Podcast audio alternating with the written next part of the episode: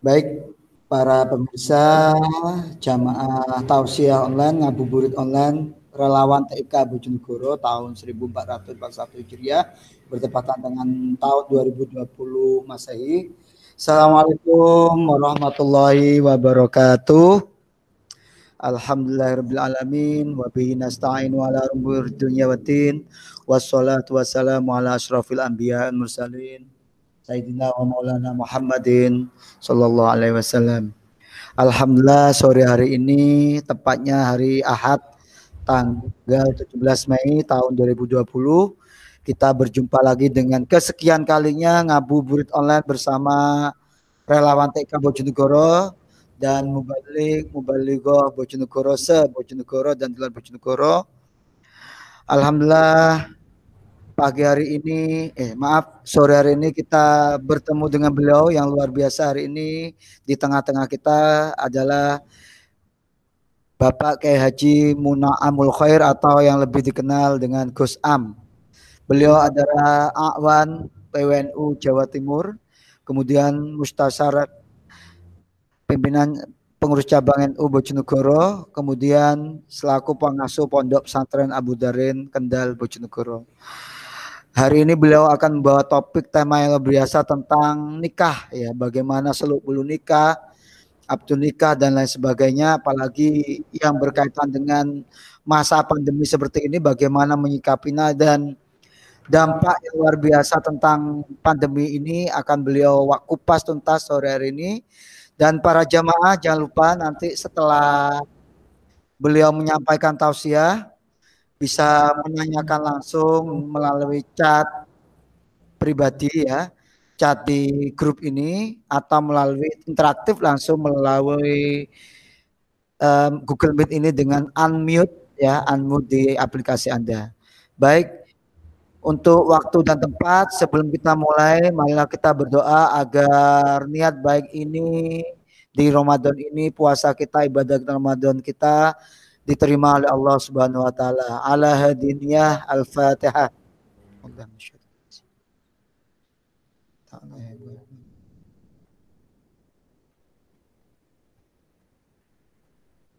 Alhamdulillah, semoga niat baik ini diterima oleh Allah Subhanahu wa taala.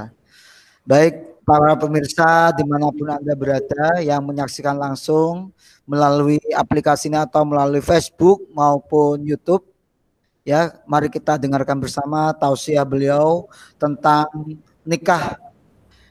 Waktu dan layar kami persilakan. Monggo, Gus Am. Assalamualaikum warahmatullahi wabarakatuh.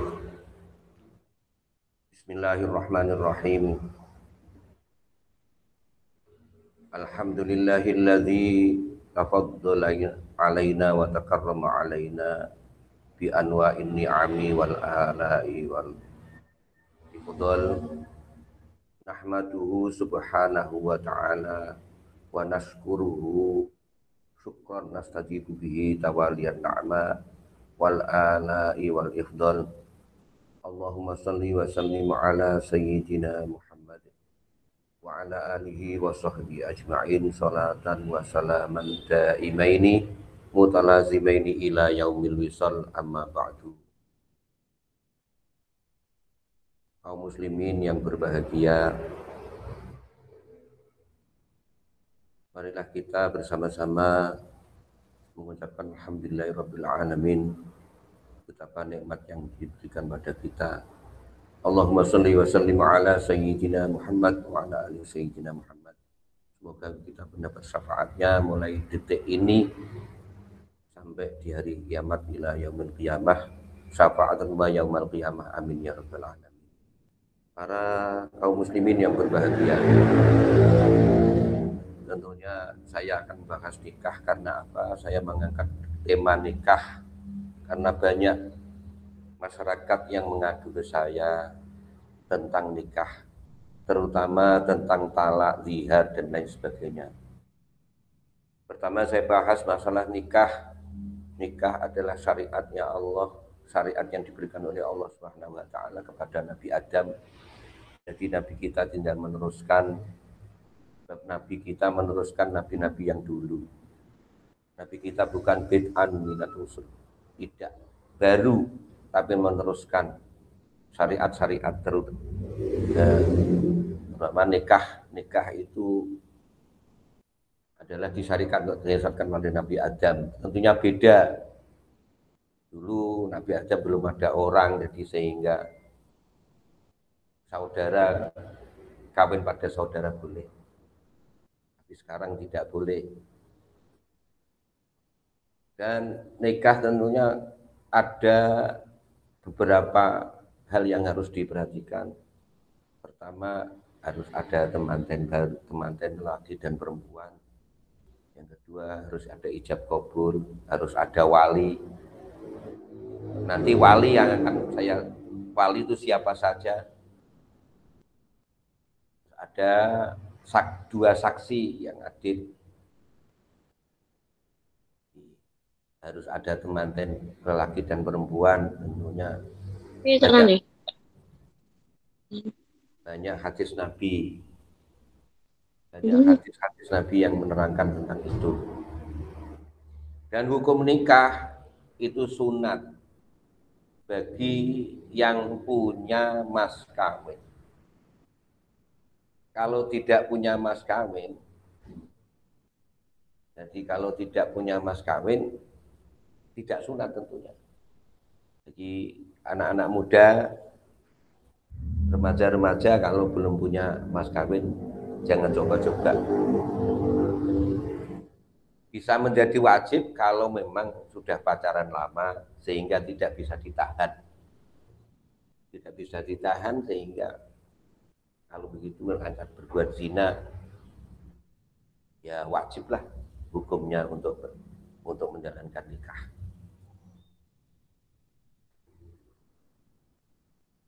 Eh, para kaum muslimin yang berbahagia.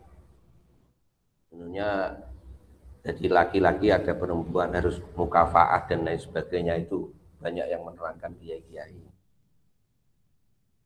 Yang saya mau terangkan yaitu wali. Wali nikah itu pertama harus ada wali yang menikahkan sang si perempuan. Pertama wali itu tingkatannya wali itu bapak kedua eh, bapaknya bapak jadi kakek. Jadi dari arah bapak. Terus saudara laki-laki adik maupun kakak. Terus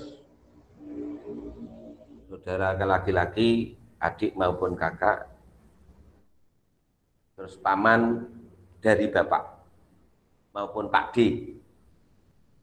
dari bapak, jadi saudaranya bapak.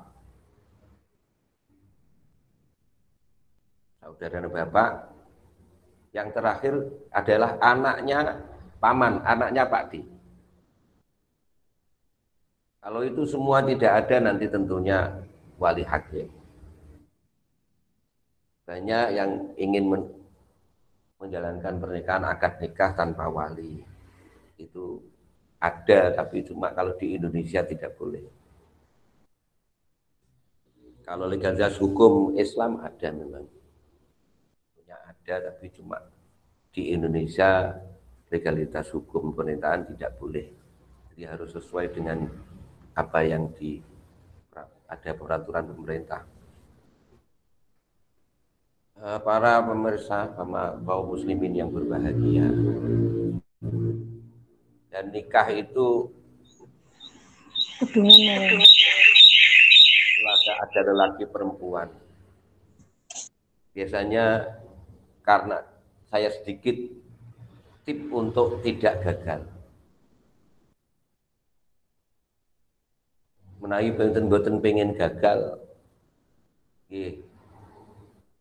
satu harus menomor-satukan Allah Subhanahu wa taala. Ada ada apa persoalan apa pun lari ke Allah Subhanahu wa taala. Yang kedua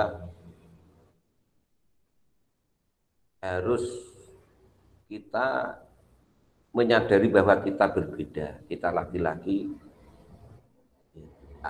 yang lelaki juga menyadari bahwa dia laki-laki, yang perempuan juga menyadari bahwa dia perempuan. Dan semua orang wataknya juga berbeda-beda, rizkinya juga berbeda, apa pun berbeda. Kalau kita ingin sukses. Yang terakhir, yang lelaki punya tanggung jawab yang besar. Sebab apa? Seorang lelaki itu pegang talak. Dan ini yang perlu saya tegaskan bahwa banyak sekali yang ngomong talak, talak, talak. Tapi masih kumpul. Jadi buat berarti kadang-kadang kumpul kebu itu pada kelihatannya pada istrinya, tapi kadang-kadang kadang-kadang orang-orang mengatakan bahwa kumpul kebu itu tidak ada akad jalinan nikah. Ada jalinan nikah itu kumpul kebu karena dia nggak mengerti talak. Talak ada dua, ada talak roji, ada talak bain. Kalau talak roji berarti talak satu, jatuh satu kali dibaleni dua kali dibaleni tiga kali tidak boleh dibaleni. Jadi ada talak roji itu tak berarti boleh rujuk. Umpama sampai kan sebab apa e, di dunia ini halal yang dibenci oleh Allah itu ada dua abwadul halali yang jadi yang dibenci oleh Allah halal dan dibenci apa? Yaitu talak. Jangan sampai ngomong pisah dan lain sebagainya. Terus apa pun yang hasluhum jadi gurauan juga jadi, jiduhum beneran juga jadi. Hasluhum jidun wajiduhum jidun an nikah wa talak. Umama ada seorang ada punya ada umpama ada orang laki-laki punya saudara perempuan terus temannya ini dinikahkan. Ada saksi dua. Jadi walaupun di atas panggung atau buat film itu jadi nikah. Talak juga begitu. Talak umpama sekarang ngomong bisa atau nyuruh pulang tapi niatnya talak. Itu juga jatuh, jatuh talaknya. Jadi gurauan, terus mabuk, itu ngomong talak pada istrinya tetap jatuh. Terus kalau satu kali, berarti perempuan punya idah 3 sampai 4 bulan. Kalau idahnya belum habis, seorang laki ngomong, "Kowe tak baleni." Jadi mau tidak mau. Ini haknya lelaki. Jadi terus wes pun dibaleni. Diulangi lagi satu kali lagi. Berarti jatuh dua kali. Gurauan maupun bener. Ini pisah nudik penake.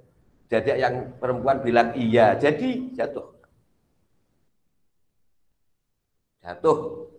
Terus belum habis idahnya, belum empat bulan, yang lelaki ngomong, saya rujuk. Ya.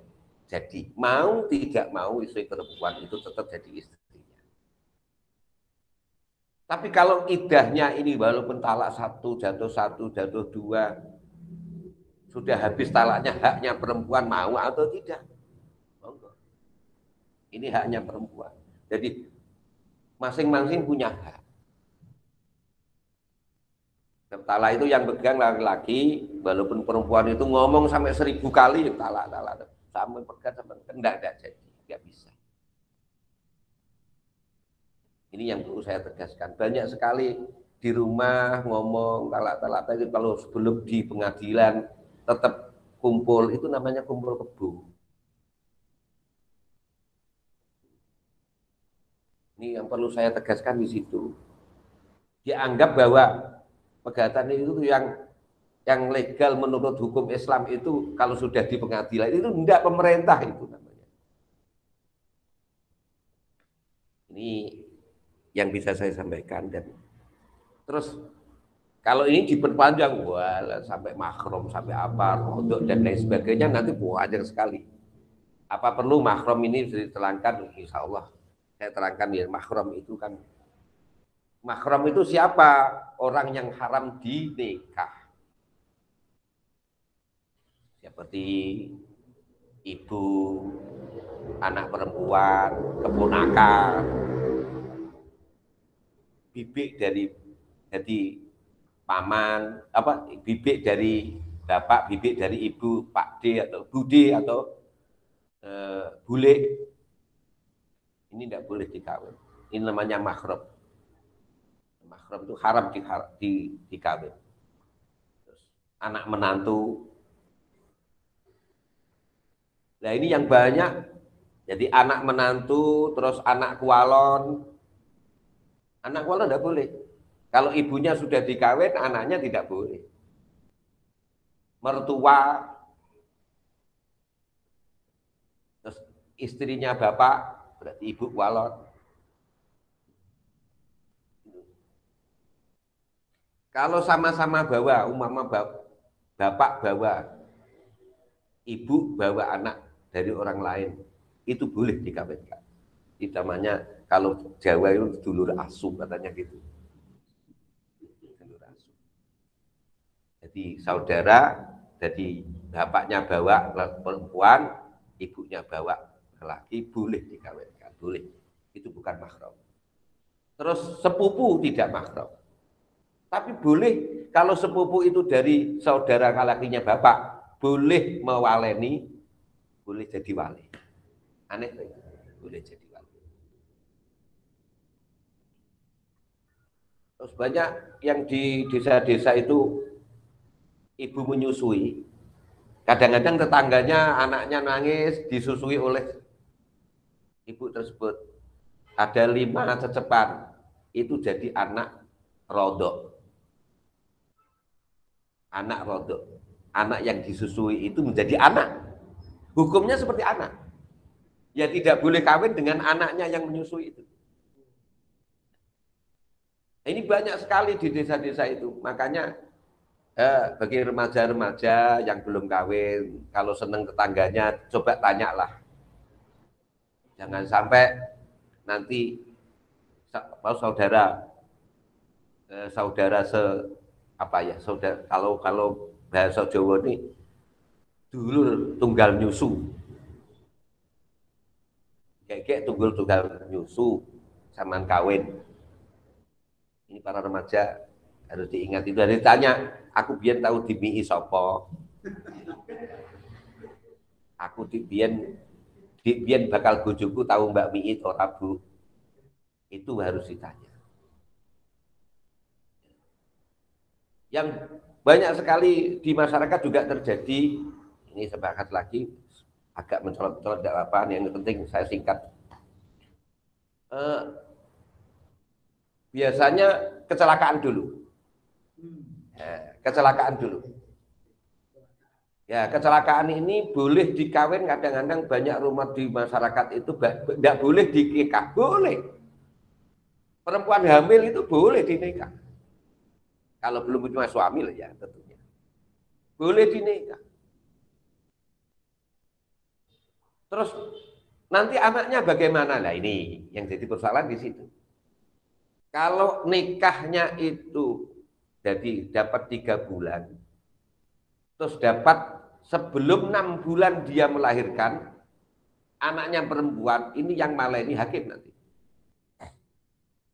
berarti 100 180 hari kalau setelah 180 hari berarti anaknya yang ngawin walaupun kecelakaan itu pada orang yang ngawin tersebut ini kalau sekarang umpama bulan Januari tanggal 1 Januari kawin.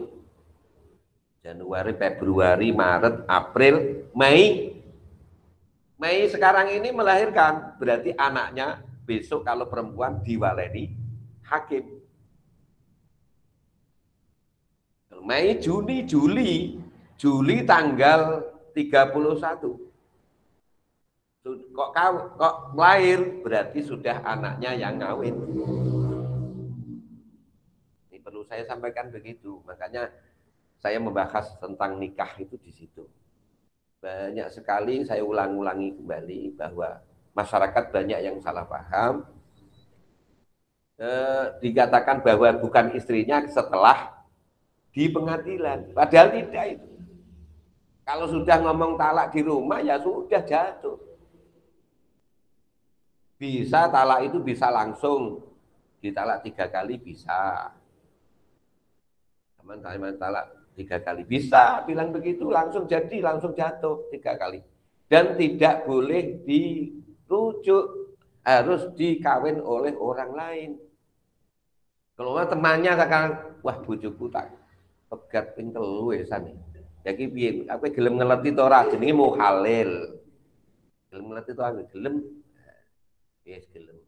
Nunggu idahnya empat bulan baru dinikah. Yang istri, yang suami kedua tadi, ya habis itu terus harus dikumpuli walaupun hanya satu kali. Tidak boleh hanya kawin-kawinan tok. Terus dia dikumpuli nggak boleh. Harus harus dikumpuli, harus kumpuli seperti bagaimana suami istri itu. Walaupun hanya satu kali. Walaupun tidak keluar, ini agak jorok, agak jorok sedikit. Yang penting sudah masuk hasratnya. Ini terus habis satu kali. Lah kok umpama enak terus ya, ya untung dia. Yang suami yang pertama yang dia untung. Nah, satu kali dikumpuli, terus di furqah. Nah, di furqah, di furqah talak tiga juga. Terus langsung nunggu idahnya empat bulan dikawin suami yang pertama. Bolehlah, monggo. Umpama umpami niki, enten tiang niki. Saking pingine anak umpama ada kasus seperti itu, ada ada. Di tempat saya pasukan sana. Nih, sanging pinginnya anak suami istri langsung dipisah tiga kali dipanggilkan eh, suami apa balikan anak laki apa temannya yang walut yang punya anak banyak disuruh ngawin istrinya. Terus hamil setelah hamil setelah apa itu di Furqah setelah itu lahir langsung dikawin oleh suami yang pertama. Jadi anaknya anaknya teman. Kok mainan begitu? Ya enggak, enggak mainan gitu namanya. Bagus itu. Makanya perempuan bagi-bagi perempuan kalau yang ingin ingin tidak nakal itu bisa. Pernah saya sarankan orang Jakarta sana bahwa eh, tidak saya sudutkan orangnya. Jadi bahwa perempuan bisa tidak nakal. Kelihatan nakal tapi tidak. Nah kalau ingin begitu ya kawin, terus akad, terus lagi minta pisah, nanti idenya habis, kawin lagi. Tidak apa-apa, itu bagus. Daripada berzina, berbuat zina. Bagi bagi janda-janda yang kaya enggak apa-apa begitu. Suruh kawin ustad-ustad. Atau memang uh, dari kru RTK ini, RTK. Suruh ngawin nanti kalau sudah bosan suruh talak terus mana idahnya habis suruh ngawin orang lagi enggak bagus bagus kalau bagi janda yang kaya. Itu saya sarankan di orang Jakarta sana, memang kalau begitu tidak nakal namanya. Daripada selingkuh. Ini yang bisa saya sampaikan, mohon maaf apabila ada kurang lebihnya. dari syarat rukunnya nikah apa pun yang saya sampaikan ini kurang lebihnya nanti bagi yang mengerti monggo kalau keliru saya diingatkan. Kalau benar ini ya, jelas dari Allah Subhanahu wa taala hidayah dari Allah Subhanahu wa taala. Akhiri ihdinas siratal mustaqim. Berdoa semoga kita diberi selamat oleh Allah. Nanti berdoanya ya nanti kalau sudah selesai. Ya akhiri wallahu muwaffiq ila Wassalamualaikum warahmatullahi wabarakatuh. Warahmatullahi wabarakatuh. Syukran kathiro Gus Am atas penjelasannya sangat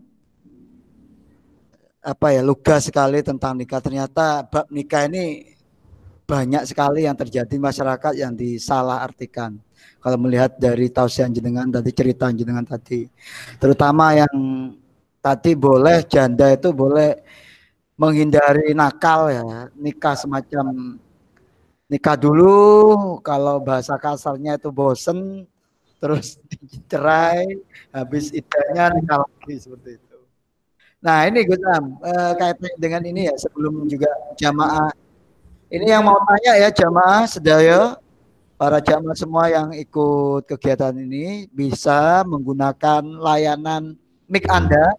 Caranya untuk bertanya langsung pada beliau adalah klik layar Anda di bawah itu ada gambar mic. Kalau gambar mic Anda disilang, itu artinya mic Anda sedang di mute, sedang dinonaktifkan. Kalau Anda ingin tanya langsung silakan di unmute, diaktifkan dengan cara klik lagi seperti itu ya. Atau yang sungkan bisa menggunakan layanan chatting di pojok kanan atas pada layar Anda ya atau di smartphone di bawah ada layanan chat. Silakan Anda bisa berkomunikasi langsung mau konsultasi dengan beliau seperti itu. Baik Gus Am sambil nunggu yang lain kita interaktif dulu ya. Ini fakta sekarang Gus Am kemarin di radar Gus Am ya. Kaitannya ini lagi viral nih, terkenal di Bojonegoro ini. Di headline-nya radar, di layar utama radar pertama itu musim pandemi ternyata banyak cerai Gus Am. Ada sekitar 900 sekian dari radar kemarin datanya. Sebenarnya hal-hal semacam ini tadi kaitan dengan nikah Gus Am ya. Ini apa yang menyebabkan para keluarga ini semakin banyak menikahnya apa gara-gara yang sebelumnya jarang ketemu terus kerja di rumah terus ketemu tiap hari bener dos pundi Gus Am menurut jenengan dos pundi ini seperti itu yang terjadi Gus Am di Bojonegoro ini atau mungkin sudah ada yang curhat-curhat jenengan kemarin-kemarin kok banyak yang talak di KUA kemarin sampai 900 sekian pasangan sampai nikah. Ini pripun? Ya, pertama memang ya itu manusiawi lah. Manusiawi. Ekonomi itu kan manusiawi. Jadi masalah ekonomi memang kompleks sekali. Jadi eh, yang banyak tidak menyadari perbedaan. Di bawah rizkinya orang itu masing-masing berbeda itu tidak disadari. Ya, coro Jawa ini rumangsane mbek tangga niki penak. Padahal ya ora penak, wis padha wae. Ya. Tinggal kita mensyukuri aja. Kita terima dan kita syukuri. Ya itu yang menyebabkan banyak itu ya kebanyakan masalah ekonomi padahal ekonomi itu Allah membuat beda-beda ada yang tukang beca ada yang tukang apa ada yang polisi ada yang tentara ada yang pejabat presiden ada satu lurah aja satu masa lurah banyak kan ya, ya jadi tarik ya satu kami tua ya satu paling-paling di desa itu yang kaya paling kaya satu atau dua kalau ada lima berarti tidak paling kaya nanti. Itu yang penyebabnya. Kadang tidak menyadari itu. Ya lelaki ya perempuan sama saja. Ingin perempuannya dituntut supaya begini-begini, tapi dia sendiri dia menyadari bahwa dia sendiri begitu kekurangannya juga banyak. Yang gagal kan banyak yang itu yang penyebabnya yang utama ya ekonomi. Tidak menyadari bahwa Allah membuat beda dan watak juga beda. Kalau sudah jadi istrinya ya wataknya gitu kok. Ket kok gelem gitu. Ya wis ngono kuwi watake. Itu yang Ya, sementara jawabannya seperti itulah. Monggo kalau ada. Oke Gus Am, jadi ternyata banyak faktor yang utama itu ekonomi ya Gus ya. ya. Kurang menyadari bahwa dengan ekonomi juga ternyata juga banyak konflik di rumah Gus. Jadi ya. selama ini yang mungkin pagi berangkat, pulang sore yang saat ini kita semua dipaksa harus di rumah, ya, tidak ke mana-mana, akhirnya ketemu terus mungkin bahasa orang-orang belenger. Ya, Sehingga kadang-kadang ya yang yang nggak betah dengan ngapunten ceriwis atau apa itu mungkin di rumah yang nggak biasa ngomong terus suruh ngomong itu mungkin akhirnya ke kejiwaannya itu juga berpengaruh ya Gus seperti itu. Akhirnya kemarin di tengah dikenal Bojonegoro zona ungu katanya. Karena ungu kan identik dengan janda tuh Gus. Masih punya muda Gus datanya tuh Gus itu loh. Ada seperti ini. Makanya kalau apa ya? Kalau menyadari perbedaan kan enak. Ya melihat perbedaan. Menyadari bahwa dirinya bagaimana itu. Ya intinya tidak menyadari bahwa dirinya banyak kekurangan, baginya apa, banyak apa. Dikira sana enak, sana enak, sana enak. Dikira begitu. Padahal sama saja. Enggak Gus, menawi pengen nyoba pecel, rawon, kadang sate, menawi ngoten tuh Gus. Ya. Jadi kelihatannya kok lihat-lihat melihat tetangga kok kelihatannya enak gitu ya. Akhirnya iri mungkin ya. Ya itu tadi faktor kurang menyadari itu yang menyebabkannya. Dan itu terjadi juga ternyata ini Gus, di sumbernya corona itu di Cina itu juga begitu. Begitu uh, lockdown ya bahasa umumnya itu di sana setelah agak pulih itu juga data menyebutkan saya baca di koran itu di media juga di sana juga terjadi perceraian. Jadi bukan hanya di Islam ternyata di sana juga terjadi tingginya perceraian setelah adanya wabah ini Gus seperti itu. Iya. Nah, ini jadi berarti ya sama aja dulur-dulur ya. Jadi bukan hanya Bojonegoro ya. Ini hanya media mengambil sudut pandang yang itu sehingga melihat kelihatannya seksi kalau di Belanda dan bisa viral. Nah, kalau udah viral kan jadi pendapatan sendiri bagi media itu semacam itu.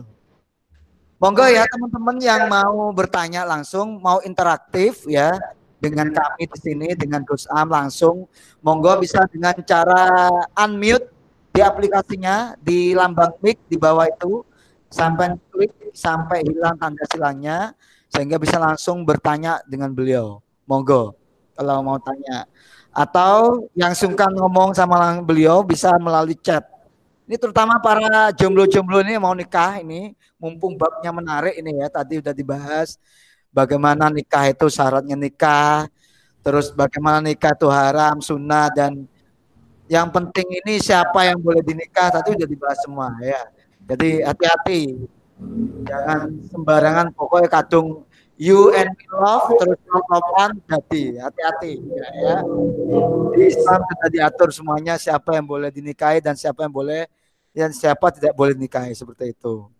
Nah ini Gus, mungkin selama ini ngapunten Gus ya, karena mungkin jenengan juga dekat dengan para keluarga. Selama ini yang paling banyak dikeluh kesahkan yang curhat langsung dengan jenengan ya tentu tanpa nyebut merek orangnya ya rata-rata itu permasalahan seperti apa Gus? Mungkin boleh di-sharing ke para jemaah Gus. Ya kalau menurut saya ya watak dan ekonomi. Ekonomi dan watak. Jadi watak seseorang itu tidak menyadari bahwa sejak temanten baru wataknya sudah seperti itu, tapi tidak disadari istrinya dituntut supaya nurut gitu loh. Atau suaminya disuruh nurut. Padahal nggak mungkin dia menuntut 100% nurut itu enggak mungkin. Setia 100% enggak mungkin. Itu yang tidak disadari kebanyakan seperti itu. Dan ekonomi kan saya ngomong-ngomong ngomong, ekonomi itu berbeda-beda. Nah, iyakunu fuqara ayunihumullah. Ada loh kata-kata di apa eh, Allah di Al-Qur'an itu wangkihul ayama min ibadikum imahikum iyakunu fuqara ayunihumullah Ingat bahwa itu ada terusnya min fadlillah, ada fadlnya Allah. Ya siapa yang mendapat fadl? Ya orang-orang yang taat pada Allah Subhanahu wa taala, yang menyadari. Jadi Betapa bahwa Allah itu eh, kalau orang kawin itu pasti iya kunu fukara ayuniullah. Fakir dijadikan bisa kaya. Kalau logikanya bahwa ekonominya semua seorang lelaki 10 yang perempuan 10 dijadikan satu akhirnya menjadi 20 kan dia bisa menjadi kaya itu kalau kita bisa kalau kita menyadari itu kan nggak mungkin bisa gagal gitu loh jadi rata-rata gini Gus, selama ini yang konsultasi dengan jenengan bahasa saya kan konsultasi ya. Itu setelah cerai atau mau cerai atau terus pundi? Sebelum cerai sebelum cerai ya. Terus tips yang jenengan kasihkan ke keluarga keluarga itu semacam saran atau tips dari jenengan seperti apa biasanya, Gus? Kalau sama-sama ke saya, perempuan laki-laki ke saya, konfrontasi, ya saya selesaikan dengan hukum-hukum Islam. Tapi kalau umpama lelakinya aja yang ke saya, langsung saya salahkan. Sebab apa? Sebab apa pun pernikahan itu pertama seorang lelaki. Tanggung jawabnya ada dua. Ekonomi dan yang lainnya. Itu itu lelaki. Kalau lelakinya belara yo untung bojone kuat ngono Kok ora mergawe ra di dhuwit kok ora ora mulih nggone maratuane kuwi sampe. Api-api wong wedok itu itu. Itu yang biasanya seperti itu. Dan kadang-kadang seorang laki nuntut supaya istrinya begini, begini, begini. Padahal dia sendiri yang bisa nyukupi. Harusnya jadilah itu. Kalau seorang laki menyadari, apalagi perempuan, wataknya akan halus. Ini bukan saya mendukung perempuan, tidak. Tapi memang dibuat begitu. Tapi gini lah ya, Allah membuat lelaki itu lelaki itu kuat, tapi disuruh ngalah perempuan itu lemah tapi minta menang. Itu kalau di keluarga seperti itu. Nah itu harus harus di harus disadari itu. Makanya kalau perempuan ngomong didengarkan aja lah. Oh jadi nanti ya Gus, berarti sama ini apa bahasanya akon-akon itu guyonane cah nang nom nom lanang-lanang ini para laki di warung kopi ini. Jadi sehebat apa pun laki-laki di luar ketika pulang lemah. Bener Gus berarti ya. Iya. Memang harus ngalah. Kalau enggak ngalah ya ya repot. Ya repot. Ya jadi enggak ya jadi gagal gitu. Sebab perempuan itu dibuat lemah tapi diminta menang. Itu itu itu memang kokohnya seperti itu ingin menang gitu. Ngomong soal ngomong, soal yang lain tidak. Makanya kalau perempuan ngomong didengarkan atau mungkin kalau bisa oh ya, oh ya. Gitu aja. Kalau tidak begitu ya wah, ya gagal gitu. Atau mungkin bertengkar terus, nggak selesai. Ada gini, ada yang curhat seperti ini. Padahal mau nanu terus Mun kula niki kula mboten anu kok mboten bantah. Kula niki nglurusake Gus. Padha wae. Padha wae. Nglurusno karo bantah sih padha wae. Ya itu.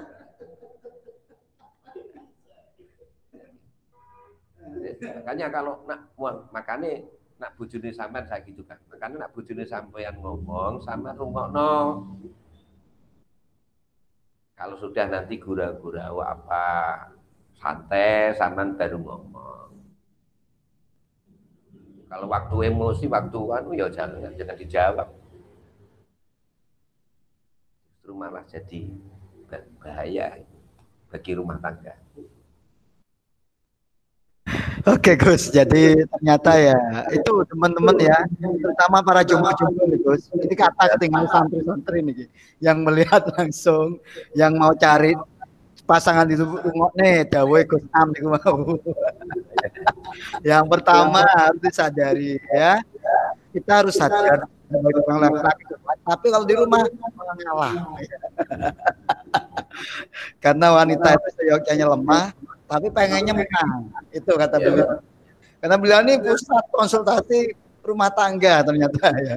Makanya tema kita sore hari ini diangkat beliau karena banyaknya yang konsultasi langsung beliau berkeluh kesah tentang kondisi ya. Yang tadi dibahas beliau yang pertama itu tentang ekonomi. Sadari ya bahwa ekonomi kita sudah ditakdir Allah SWT itu memang beda. Yang pertama itu. Oh ya, saya ingat anu Mas. Okay, Jadi saya belum saya sampaikan tadi. Jadi menyamakan istrinya pada orang lain tidak boleh. Apalagi dengan ibunya atau dengan ibu mertua. Harus nanti puasa dua bulan berturut-turut baru boleh ngumpuli. Maksudnya menyamakan terus pun Gus. Menyamakan itu ini gini, umpama Mas itu Mas itu kan punya istri terus sama Willow podo karo iki karo ibu. Kalau menyamakan orang lain aja haram. Makanya makanya kalau istri itu disamakan dengan orang lain itu marah itu benar. Benar. Makanya jangan menyamakan siapa-siapa. Enggak sama, enggak mungkin sama. Kalau sama untuk apa kawin itu?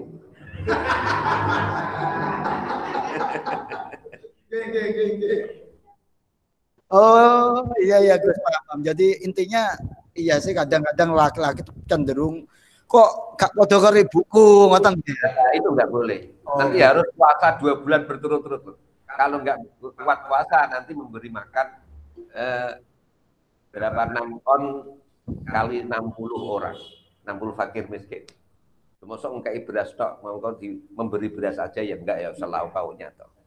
Paling tidak 20 ribu per orang kali 60 berarti berapa itu? 20 kali 60 berapa? 30 kali 20 kali 60. Oh, 120. 1200. 1200. Nah ya, kasih makan orang 60 1200. 100 juta 200. Tapi berupa beras loh ya. Beras ya, ya, ya, ya, ya, Sembako lah kasih sembako 60 orang. Nah, waktu waktu pandemi ini bagus lah gitu. 120.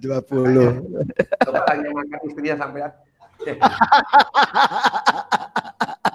Makanya enggak uh, boleh makan istrinya pada ibunya atau pada ibu mertua enggak boleh. Uh, berarti makanya tanggung jawabnya lelaki itu berat gitu.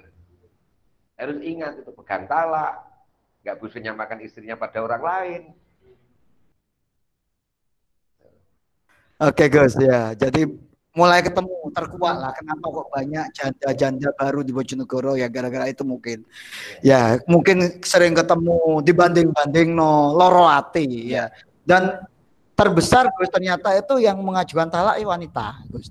Di, di koran rakyat itu sebutkan seperti itu. Kenapa kok gak laki-laki Gus ini? Kok wanita berani mengajukan talak? Itu dalam Islam seperti apa Gus? Boleh aja kan? Ya karena seorang laki terlalu terlalu tuntutannya terlalu tinggi terhadap perempuan. Dan perempuan kalau dituntut tinggi ya dia juga menuntut sama saja kan. Punya hak sama kan. Sama perempuan dituntut 10. Mungkin apa perempuan dituntut 10, mungkin perempuan nuntut 15. Gitu loh. Oke ya perlu disadari teman-teman semua ya. Kita semua punya keterbatasan punya hak dan kewajiban ya. Masing-masing punya kelemahan dan kekuatan. Jadi wanita itu pengen didengarkan kata beliau ya. Terus laki-laki juga harus tahu kalau di rumah itu fungsinya adalah pendengar yang baik seperti itu ya. Agar harmonisasi keluarga ini terjalin. Nah, meningkatnya perceraian akhir-akhir ini mungkin dari persepsi dan fakta yang terjadi disampaikan tadi mereka perlu didengarkan. Sambatnya di rungok lur ya. Para laki-laki rungok ya sambatnya di rungok jadi mereka juga perlu didengar. Ini ada yang protes Gus ini. Uh, wanita jamaah wanita ya. karena wanita ingin dimengerti terus saya ngotot Gus Wanita pengen dimengerti katanya dari Mbak Alfiatu Kamala ini seperti itu. Wanita ya, ya. dimengerti. Terus ini Gus, uh, ini kan kadang-kadang saya melihat, saya juga kadang minta tolong orang nih. Kadang-kadang laki-laki nyari jodoh itu nggak mampu. Ya, ini pribon, fakta yang terjadi. Padahal wanita itu banyak berkebaran sekitar kita Hmm? Kenapa kok seperti itu? Dia udah merasa mampu mau nikah, mampu memberikan nafkah. Tapi kadang-kadang mau mau memilih pasangan itu nggak mampu. Ini pripun? Atau ada saran-saran tip dari Gus An untuk untuk semacam ini? Ya kadang kadang terlalu idealis itu. Kadang terlalu idealis. Jadi sehingga saya harus begini, harus begini, harus begini. Ya nggak mungkin. Kadang cita-cita ingin punya istri yang tidak gemuk ya gemuk. punya istri, saya ingin punya istri tinggi, buktinya pendek istrinya. Kan itu ya nggak bisa. Ya karena terlalu idealis sehingga sulit untuk memilih. Gitu. Ini nih kalau secara aklial ya kalau jadi secara akal rasional begitu. Tapi itu jodoh dari Allah Subhanahu Wa Taala ya. Belum ketemu jodohnya selesai kalau sudah begitu. Nggak ada bahasan. Uh, maraknya ini maraknya nikah tidak direstui orang tua Gus. Seperti tadi sampai terjadi kecelakaan dulu Gus. oh ya ini, ini, ya, ya. perlu perlu ya. dibahas diangkat. Ini, ini, pripun pripun. Ini. Uh, bagi kaum muslimin yang berbahagia bagi bagi wali-wali bagi masyarakat yang punya anak perempuan hati-hatilah kalau sudah pacaran coba disetujui aja lah. Sebab apa? Kalau tidak setujui nanti lari ke Surabaya nikah siri di sana tetap sah itu. Oh tahu walinya semuanya nggak mau mama dari bapak Pak D Mbah nggak mau waleni diwaleni kiai jadi wali muhakam bisa jadi kiai jadi wali muhakam nanti makanya eh, bagi orang-orang tua ingat bahwa kalau kalau apa kalau putrinya itu sudah punya pacar kalau sudah bagus ya dikawinkan aja lah. Sebab nanti kalau terjadi hal yang tidak diinginkan ya walaupun itu kan menurut pemerintah tetap ilegal tapi menurut aturan syariat tetap legal gitu Nah kalau sudah ngomong pokoknya sementing eh, menurut Allah sudah halal sudah lah ini bahayanya di situ kan. Ya, itu bahaya. Padahal nanti tanggung jawab di masyarakat bagaimana? Iya iya iya betul betul Gus ya. Iya Gus. Kadang-kadang kalau saya baca di kolom-kolom curhat para milenial di sama kan kadang sekarang banyak kan dari media online ada yang media khusus kolom curhat pernikahan yang banyak saya temukan itu kadang-kadang saya baca juga di beberapa media itu seperti itu Gus. Karena mungkin idealisme dari keluarga mungkin ya entah dari pihak ibu bapak pengennya kategori ini ini ini. Ternyata putranya punya kategori sendiri seperti itu. Maka yang terjadi itu Gus yang banyak berlari. Jadi orang tua ideal lari. Dan itu masih bagus lari terus cari uh, yang halal, tapi yang berbahaya itu ketika kawin lari tanpa halal itu. Iya. Itu yang banyak saat ini. Mungkin ya karena saat ini dengan mudah aksesnya media sosial Gus ya. Beda dengan zaman dulu-dulu mungkin pengen ketemu aja leren melalui tahapan lapisan gitu Gus ya. Sekarang dengan video call aja udah bisa seperti itu. Nah kayak gitu eh, sebagai orang tua menyikapi pergaulan-pergaulan semacam ini Gus biar antisipasi aja ya untuk menuju ke pernikahan yang tidak sehat ya bahasa saya. Ya LKMD kata teman-teman ya. Jadi memang di masyarakat kompleks ya ya. sulit untuk dihindari itu. Ya Allah membuat laki-laki dan perempuan memang saling cinta. Cinta dan dicintai lah. Jadi makanya kalau kita pikir memang kita kita telah di masyarakat memang banyak yang ke sini juga banyak begitu. Ya, curhat masalah seperti itu juga banyak. Makanya saya mengingatkan bagi masyarakat yang punya putri, punya perempuan, punya anak perempuan, hati-hatilah. Ya, umpama dijodohkan dulu ya enggak apa-apa, tapi nanti kawinnya sudah umur berapa? Kalau perempuan umur 22 atau umur 21 minimal kan gitu. ditarik dulu lah mau enggak ya yang mencari mesti yang baik tapi jangan terlalu lah. Jangan terlalu idealis gitu. Bagi bapak-bapak juga jangan terlalu idealis. Yang penting seperti ini itu aja cukup lah.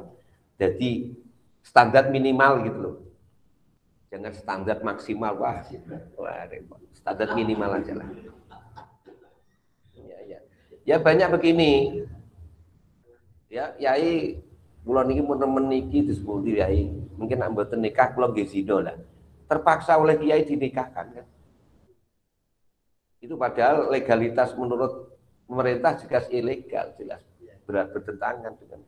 Tapi kalau kiai tidak menikahkan ini akan berbuat zina. Ridho bizina, zina gitu. Ridho orang berbuat zina akan seperti kita berzina begitu terpaksa begitu. Mohonlah masyarakat ada pengertian begitu kan. Jadi nggak repot kiai gitu.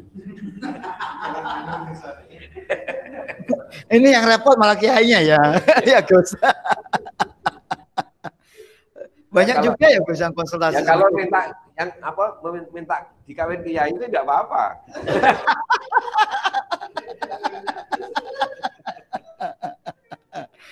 Ya, ya, ya, ya, ya.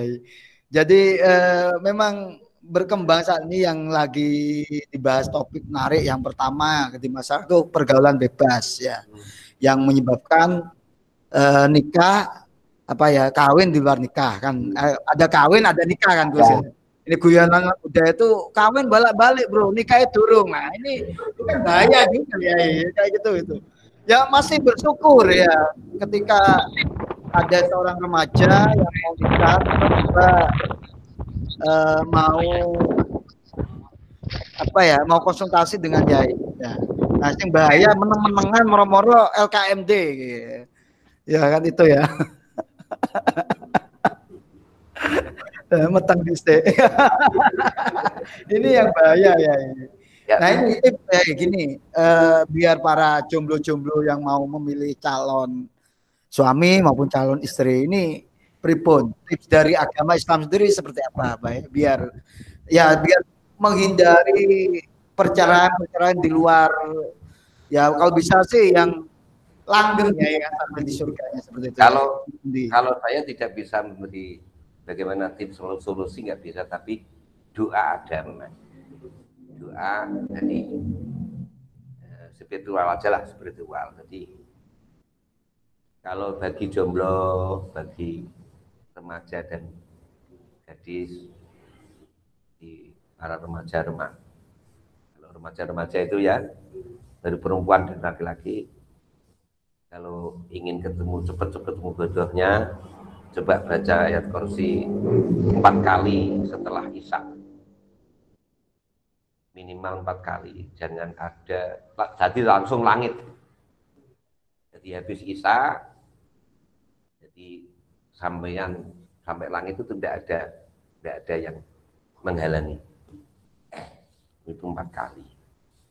Fatihah satu kali ayat kursi empat kali minimal kalau bisa tujuh kali terus solawatnya nanti kalau ayat kursinya empat berarti kali tiga dua belas kali kalau ayat kursinya tujuh berarti dua puluh satu kali solawat ini yang tip ya doa yang untuk supaya kita mendapat cepat dapat jodoh.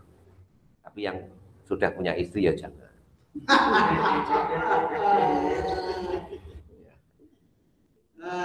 Demikian ya.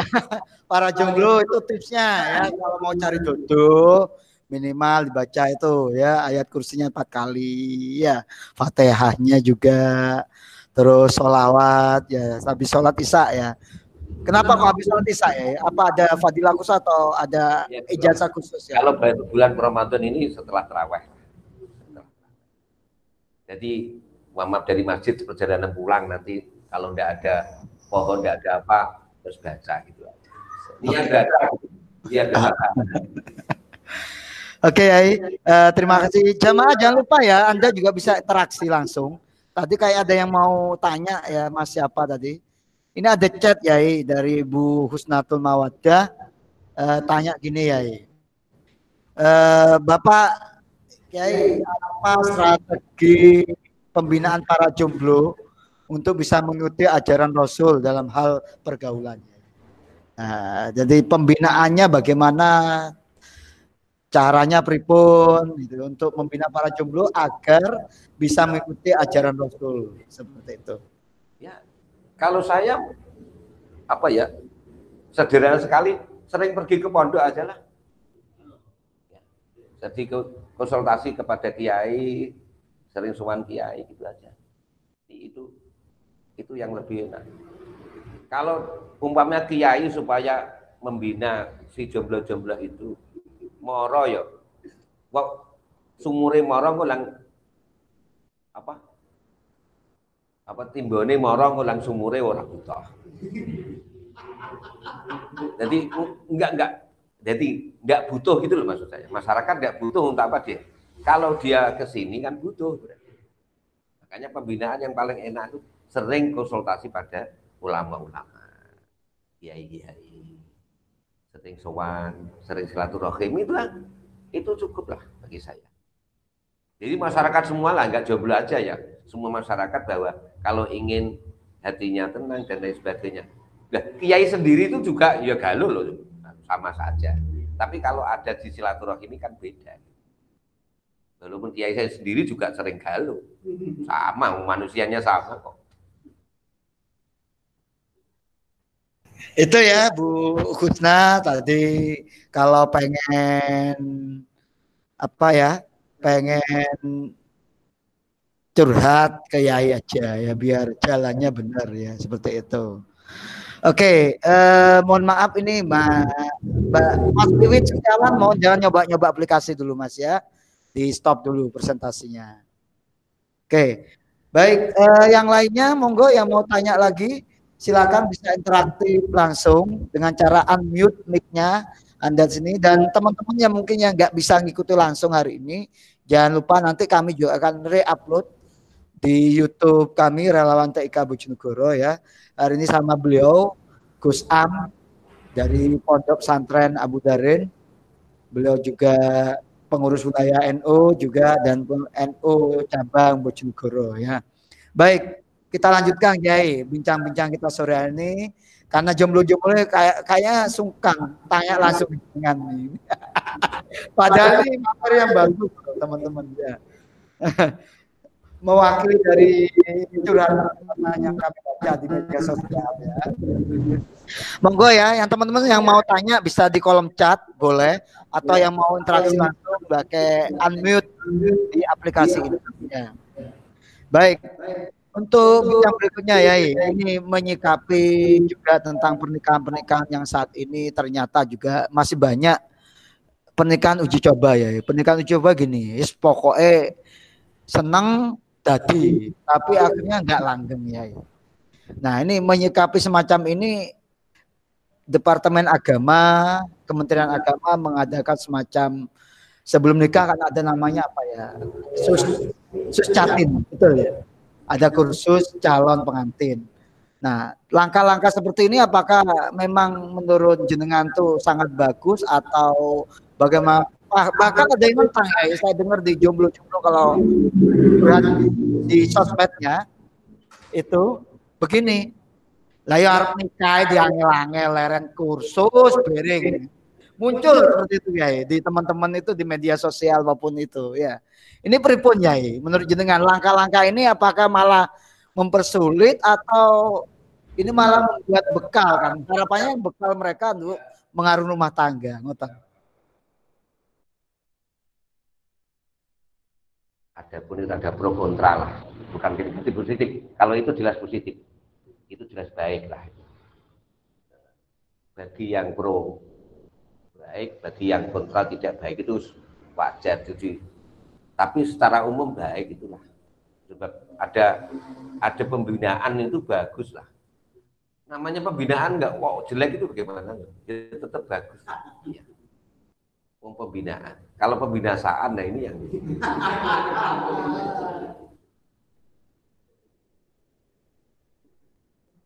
Eh, yang enak didengar telinga itu apa nikah di angel-angel kan ya. Itu yang membuat ini membuat gak enak juga gerah juga kalau saya dengar itu ya seperti itu. Bagi orang yang nafsunya memang sudah nggak bisa ditahan gitu. ya, ya, nafsunya nggak bisa ditahan.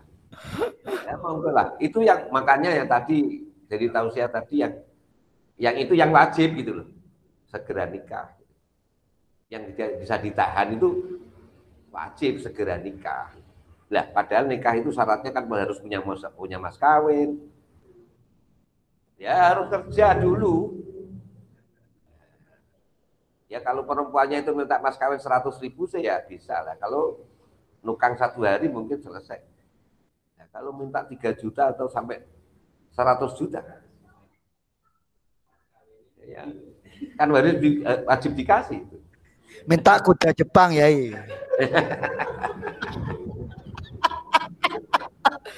merana lah bro bro. Kuda Jepang. Ya itu ya. Ini lagi ya motivasi motivasi. Kadang teman-teman nggak nikah nikah itu gini ya yang banyak terjadi itu pas-pasan Arab nikah gitu dan ya kok diterima atau ora gitu. Hmm. Nah, akhirnya ya itu enggak nikah nikah padahal mesti ada waktunya dan lanjut ya itu.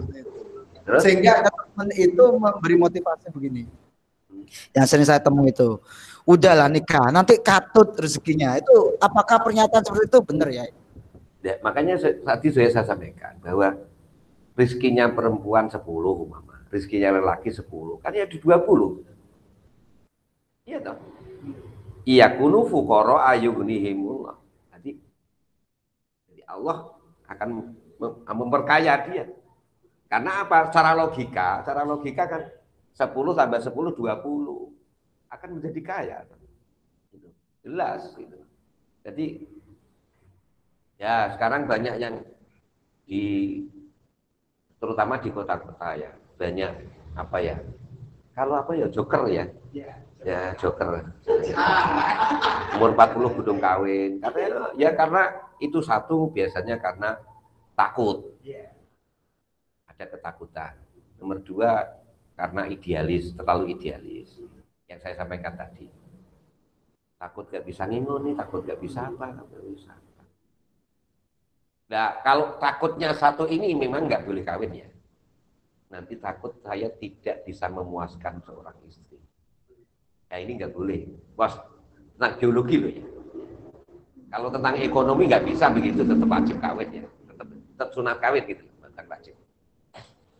Tapi kalau saya tidak bisa memuaskan, maksudnya memuaskan itu begini, tidak bisa gauli istri saya seperti suami istri. Itu tidak boleh kawin itu. Kalau mama istri, mama punya eh, suami istri tidak yang lelaki tidak bisa umpama sampai impoten atau bagaimana. Dikembalikan pada orang tuanya boleh. Langsung minta pisah boleh.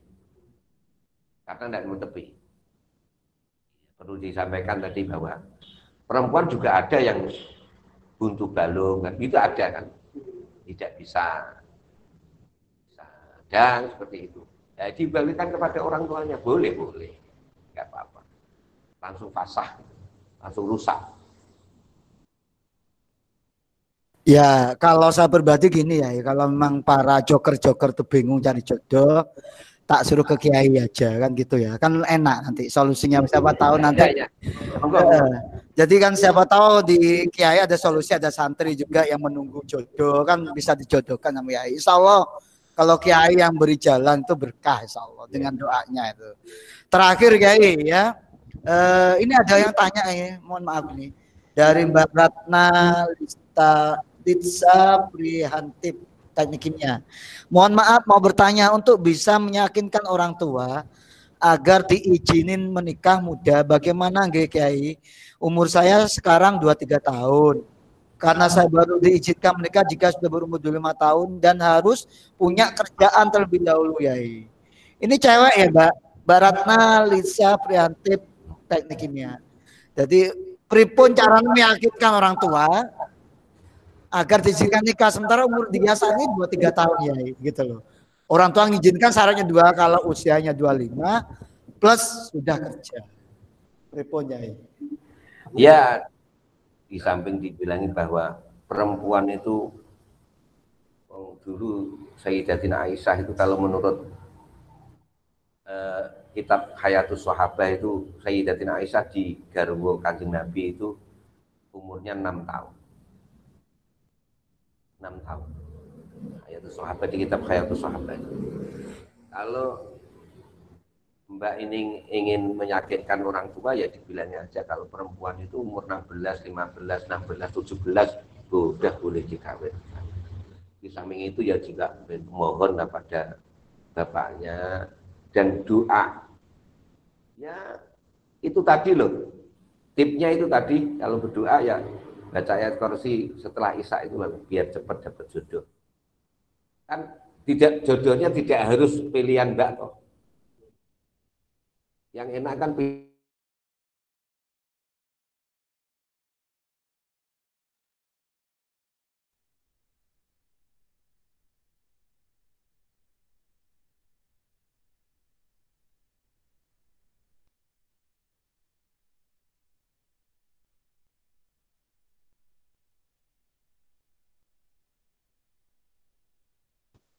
Uh, sebentar para jamaah, kita tunggu sinyalnya agak terkendala dikit nih. Belum bro, belum. Ya.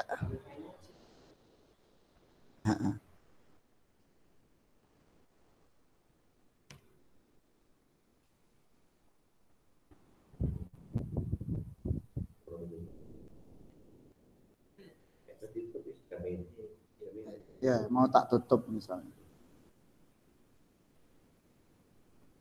Ya, ya eh, sebentar ya jamaah semua sambil menunggu Pak Yai siap dulu teknis dari kameranya.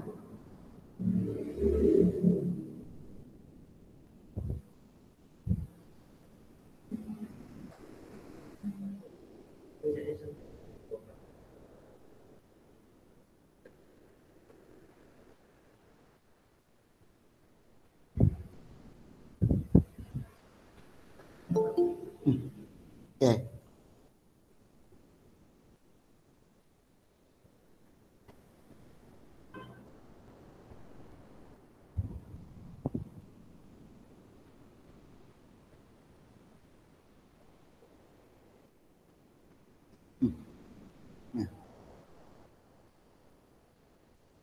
Gak usah mic gak apa-apa bro.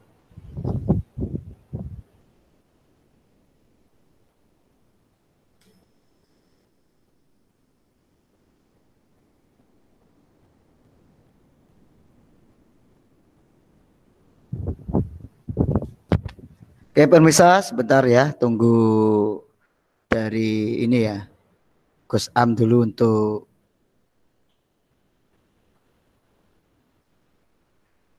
Oke. Bentar.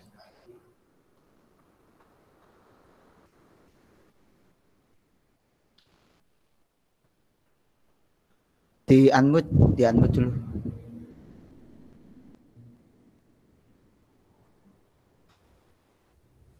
Oke. Baik, uh, pemirsa kita lanjutkan ya tadi tentang tipsnya dari Gus Am tadi ya. Mbak Ratna ya, ini cowok cewek, cowoknya ini ada Prihantonya. Ratna Lisa Prihanto, ya sanggup cewek aja. Ya. Oke Gus, dilanjutkan Gus. Tipsnya tadi bagaimana yang pertama ya. Oh perempuan Gus. perempuan. Ya. Ya, kalau bapaknya menginginkan 25, kalau tidak bisa nurut. Ya sebaiknya memang nurut ya. Apa kehendak orang tua. Tapi kalau memang sudah nggak bisa begitu ya, mohon benar dengan orang tua. Di samping itu juga berdoa tadi, baca ayat kursi empat kali setelah isya tadi. Itu kalau bisa nurut pada orang tua yang baik itu begitu. birrul walidain itu sangat baik. Memang birrul walidain itu di bawah apa? Kalau di kalau bawah bawah nyembah Allah. Kalau di Quran-Quran itu wa idza akhadna mitsaqo bani Israila alla ta'budu illallah bil walidaini ihsana. Wa qadha rabbuka alla ta'budu illa iyyahu bil walidaini ihsana. Jadi nurut orang tua itu di bawah nyembah Allah. Oke, niku nggih, mungkin niki ya sing lanang abet Gus kudu nikah, yang perempuan tidak diizinin. Mungkin itu yang jadi masalah. Ya itu Mbak sambil doa aja sambil kasih tadi doa ayat kursi dan memohon pada Allah mungkin jodoh itu yang enak dari Allah ya tadi ya. ya. Bukan pilihan kita tapi kalau Allah menjodohkan dengan pilihan Anda insya Allah langgeng berkah seperti itu. Oke Gus, karena waktu juga ya menarik sebenarnya teman-teman kalau dilanjutkan karena waktu jualan menjelang berbuka puasa ini sebagai penutup Gus untuk memotivasi teman-teman dan yang mau nikah ini biar lebih semangat Gus apalagi di tengah pandemi ini monggo Gus kasih closing statement kata penutup dan nanti sekaligus doa Gus. Uh, para kaum muslimin yang berbahagia kita sekarang ini harus banyak mendekatkan diri Allah Subhanahu wa taala karena uh, situasi seperti ini dan yang paling paling penting adalah bersyukur pada Allah Subhanahu wa taala. Sebab kita masih diberi kehidupan, diberi kesembuhan, diberi kesehatan, diberi apa, diberi rahmat oleh Allah. Makanya kita harus bersyukur pada Allah Taala. Kalau kita bersyukur tentu akan ditambah oleh Allah Subhanahu wa taala. Sehat semakin sehat. Dan kalau bersyukur pada mama punya istri cantik, disyukuri akan semakin cantik.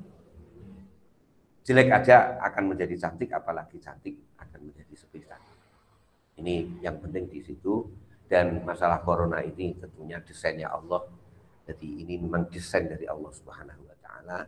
Kita harus tidak bisa mengeluh, apalagi menyalahkan orang lain, apalagi menyalahkan pemerintah. Tentunya konyol lah. Jadi jangan menyalahkan siapa-siapa. Ini desain Allah Subhanahu wa taala. Harus kita syukuri kita masih diberi kesehatan, diberi kelonggaran, diberi apa pun oleh Allah Subhanahu wa taala. Apalagi di Indonesia.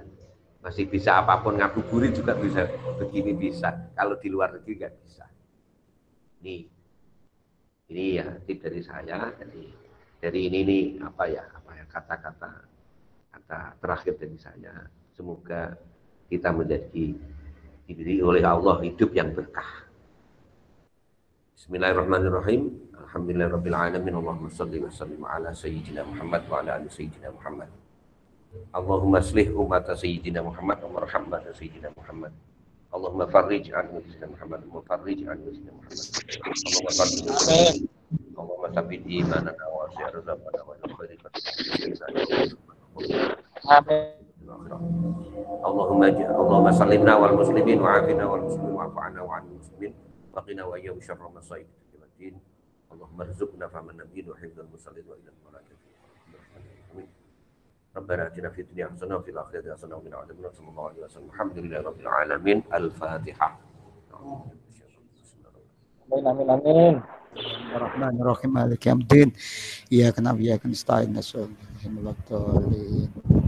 Demikianlah tadi para pemirsa yang budiman telah kita saksikan bersama bersama beliau Gus Am ya tentang seluruh nikah dan fakta-fakta yang terjadi di sekitar kita ya.